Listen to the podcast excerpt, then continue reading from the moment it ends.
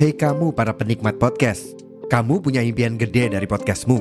Tools di First Story bisa banget bantu kamu. Mulai dari F-Link, Dynamic Audio Insertion, sampai statistik yang komprehensif, semua ada di First Story. Gak ketinggalan, kamu bisa monetisasi podcastmu lewat iklan dari First Story Ads yang bisa kasih kamu penghasilan dari setiap place podcastmu. Yuk gabung sekarang dengan klik di firststory.me. Sekali lagi, di firststory.me. Mari kita bawa mimpi podcastingmu menjadi kenyataan.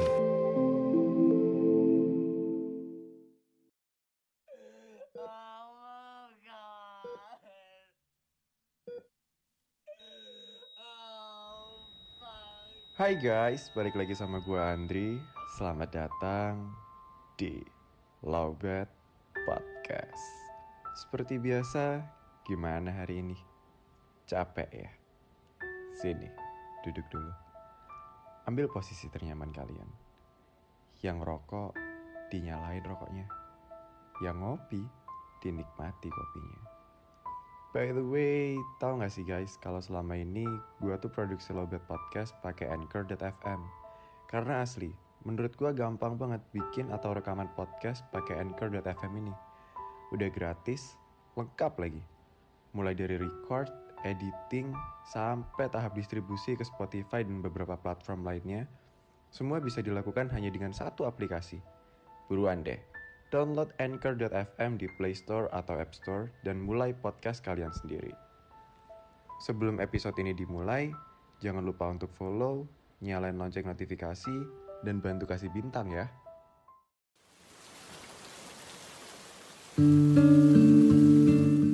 Selamat datang kembali di fase dunia hanya milik berdua. Entah kenapa, fase ini tuh kata orang fase paling indah dari kisah percintaan. Karena konon katanya, di fase ini, dunia hanya terasa milik berdua. Untuk sementara waktu, rasanya otak tak lagi berguna ketika memasuki fase ini. Kita tak akan lagi memperdulikan apa kata orang di fase ini.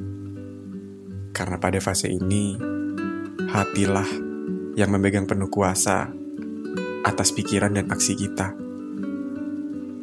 Namun, semakin ke sini, seiring bertambahnya usia, bagiku PDKT adalah fase yang menyeramkan.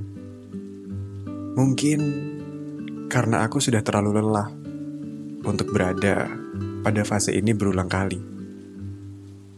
Rasanya tuh pengen gitu ngeskip fase ini dan tahu-tahu udah jadian aja. Bukannya karena gak mau ribet, tapi karena aku terlalu takut. Iya, aku terlalu takut untuk terjatuh di lubang yang sama berulang kali. Jadi bagiku kini, lebih baik menciptakan golden moment saat resmi jadian daripada manis di awal dan pahit di akhir. Namun sayangnya, hampir tak mungkin rasanya kita bisa resmi jadian tanpa melewati fase PDKT. Kalaupun bisa, rasanya tak akan semulus itu. Karena PDKT adalah waktunya bagi kita untuk menganalisa dan mengenali sang calon pasangan lebih dalam. Gak mungkin kan, kita mau jadian sama orang, tapi seperti beli kucing dalam karung. Maksudnya tuh, gak mungkin dong, kita jadian sama orang, tapi kita belum tahu betul apakah kita benar-benar cocok dengan orang tersebut. Ya, itulah cinta. Otak tak akan pernah bisa menafsirkan secara jelas dan gamblang. Yang bisa kita lakukan hanyalah menikmati setiap detik momen-momen indah di dalamnya. Saranku, bila kamu belum sembuh betul dari masa lalu, jangan mencoba untuk memulai kisah yang baru dulu ya. Karena yang tersiksa bukan hanya kamu seorang, tapi orang baru yang kamu jadikan bahan percobaan pun akan lebih tersiksa.